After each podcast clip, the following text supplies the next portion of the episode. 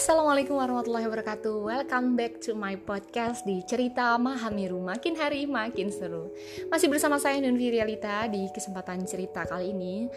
Kemarin ada salah satu sahabat saya menanyakan Mbak Lita gimana sih bisa umroh tiap tahun dari bisnis online yang Mbak Lita kerjakan? Dan bisnis itu tentunya tanpa modal gitu ya. Sebenarnya saya nggak pengen menceritakan hal ini Tapi ternyata penting juga ya untuk diceritakan. Kenapa? Semoga cerita ini menjadi cerita inspirasi buat para moms yang ada di rumah karena keterbatasan waktu juga keterbatasan uh, diri untuk bisa bagaimana bisa berkarir di luar rumah ternyata meskipun hanya dari rumah uh, termasuk saya dan teman-teman saya yang berada di bisnis ini bisa punya penghasilan dan tentunya juga bisa memberikan kebahagiaan kepada orang lain lebih banyak lagi. Oke, baik. Nggak berlama-lama, kita langsung masuk saja. Di poin pertama adalah kalau ada pertanyaannya tentang kok bisa sih umroh tiap tahun, sejujurnya saya kalau ditanya itu saya pengen nangis. Kenapa saya pengen nangis? Karena saya juga nggak menyangka kenapa Allah begitu murah hati banget memberikan kesempatan hampir tiap tahun saya berangkat umroh bahkan uh, di tahun pertama saya hanya berangkat umroh bersama suami. Di tahun kedua saya berangkat dengan kedua orang tua baik ayah ibu saya juga ayah ibu mertua saya. Jadi berangkat berlima. Lengkap banget. Dan di tahun ketiga saya bisa berangkat dengan kedua anak saya dan juga kakak kandung saya dan juga kedua orang tua saya. Jadi total tujuh. Jadi kalau ditanya apa yang dilakukan, um, ini termasuk dalam kategori ria bukan ya? Mudah-mudahan bukan ya. Tapi di cerita kali ini saya mau berbagi apa sih yang saya lakukan ketika pada saat saya umroh pertama kali. Jadi ketika saya punya mimpi pertama di tahun 2015 dan menuju 2016, saya mendengarkan sebuah salah satu audio yang berisikan tentang purpose of life. Dulu saya tipikal orang yang tidak pernah punya mimpi, meskipun punya mimpi tapi saya hanya gantungkan atau hanya menuliskan di sebuah buku gitu ya. Dan tidak pernah saya berusaha untuk mengejar mimpi-mimpi itu karena keterbatasan saya sebagai seorang pegawai, pegawai kemudian uh, resign dan memiliki anak dan pada akhirnya menjadi seorang ibu rumah tangga. Jadi pada saat itu mindset saya itu tertutup gitu loh. Mindset saya tertutup bahwa oh ya sudahlah, saya hanya seorang ibu rumah tangga yang hanya menunggu gaji suami atau menunggu tabungan yang memang bisa saya tabung untuk bisa berangkat umroh. Jadi pada saat saya mendengarkan sebuah audio yang di mana audio bersamaan juga didengarkan oleh suami saya tentang purpose of life. Jadi kalau tingkatan tertinggi dari purpose of life itu adalah bagaimana diri kita bisa bermanfaat untuk orang lain, bermanfaat lebih banyak lagi. Jadi hidup itu bukan hanya sekedar untuk diri kita sendiri. Hidup itu lebih banyak sekali untuk bisa merangkul keluarga, masyarakat atau siapa pun. Jadi karena kita makhluk sosial gitu ya. Jadi kalau kita untuk kerja untuk hidup diri kita sendiri itu sesuatu yang biasa karena memang pemenuhannya untuk diri kita sendiri. Tapi ternyata ketika kita beribadah, kemudian kita hidup untuk lebih banyak lagi menebarkan kebaikan dan kebaikan itu menjadi amal ibadah kita. Nah, di situ adalah tingkatan tertinggi untuk purpose of life.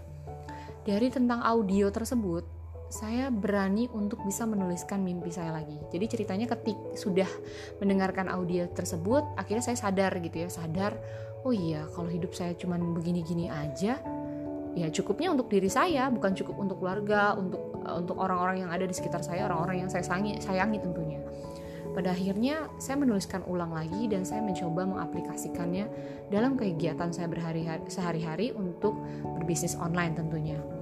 Pada saat itu perjalanan mudik dari Surabaya to Jakarta, kemudian saya kembali lagi dari Jakarta to Surabaya, saya menuliskan sebuah tulisan yang saya tulis umroh bersama suami tahun 2017. Saya tulis di salah satu stroke uh, tiket gitu terus kemudian nggak ada pensil nggak ada pulpen saya tulis pakai pensil alis. Um, tulisannya agak amat sangat jelek dan saya foto di jendela pesawat. Jadi pada saat itu baru saja uh, matahari terbit karena waktu itu saya dari Jakarta ke Surabaya berangkatnya jam setengah enam pagi kalau nggak salah. Jadi uh, melihat matahari terbit itu bagus banget gitu. Dan pada akhirnya saya tuliskan di sana. Dan ternyata tahu nggak itu menjadi sebuah um, capture mimpi yang pertama kali yang saya tulis. Dan kemudian itu kenyataan dan itu terjadi tahun 2017 jadi kalau saya anggap remeh saya anggap sepele ini kecil banget gitu loh. Tapi ternyata Allah kabulkan. Jadi mulai saat itu saya mencoba untuk terus menuliskan mimpi saya, menuliskan mimpi saya dan terus mengazamkan mimpi saya. Meskipun pada akhirnya um, kelihatannya agak sedikit childish ya. Norak banget sih sama mimpinya ditulis terus, mimpinya disebut-sebut terus dan ternyata memang kita nggak tahu doa siapa yang yang diijabah untuk bisa terhadap diri kita. Tentu bukan bukan semata-mata begitu saja itu bisa terjadi. Tentu ada sesuatu yang membuat itu terjadi yaitu usaha dan ikhtiar kita. Selain doa dan ibadah kita, kita juga harus tetap berikhtiar gitu ya, tidak memangku pada pasrah pada Allah, tapi kita juga terus berusaha. Akhirnya di 2017 itu saya umrah pertama kali dan bersama suami dalam tawaf mengelilingi Ka'bah. Tentunya ini gemeteran, mams, saya gemeteran. Jadi saya um, mencoba untuk meminta maaf terhadap diri saya gitu ya pada saat saya labaik Allahumma labaik labaik kala kala baik gitu ya. Itu saya minta maaf banyak minta ampun sama Allah karena banyak hak dan kewajiban yang tidak saya penuhin terhadap diri diri saya sebagai hamba dari Allah. Terus kemudian meskipun saya tidak bisa menempelkan diri saya pada hajar aswad tapi saya sempat menyentuh Ka'bah di multazam tentunya itu saya mencoba untuk mendoakan agar saya bisa tiap tahun balik lagi, balik lagi dan balik lagi dan lebih banyak lagi orang-orang yang saya bisa bawa ke Ka'bah. Salah satunya adalah di tahun kedua saya sedang hamil, hamil 7 bulan dan kemudian saya berdoa lagi di tempat yang sama dan saya minta lagi Allah balikin saya lagi dengan anak-anak saya.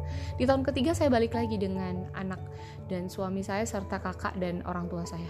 Jadi yang saya lihat di sini teman-teman bukan hanya bukan hanya sekedar sebuah doa yang kita panjatkan tapi juga tentang ikhtiar kita dan kepercayaan kita, belief kita terhadap Allah gitu ya.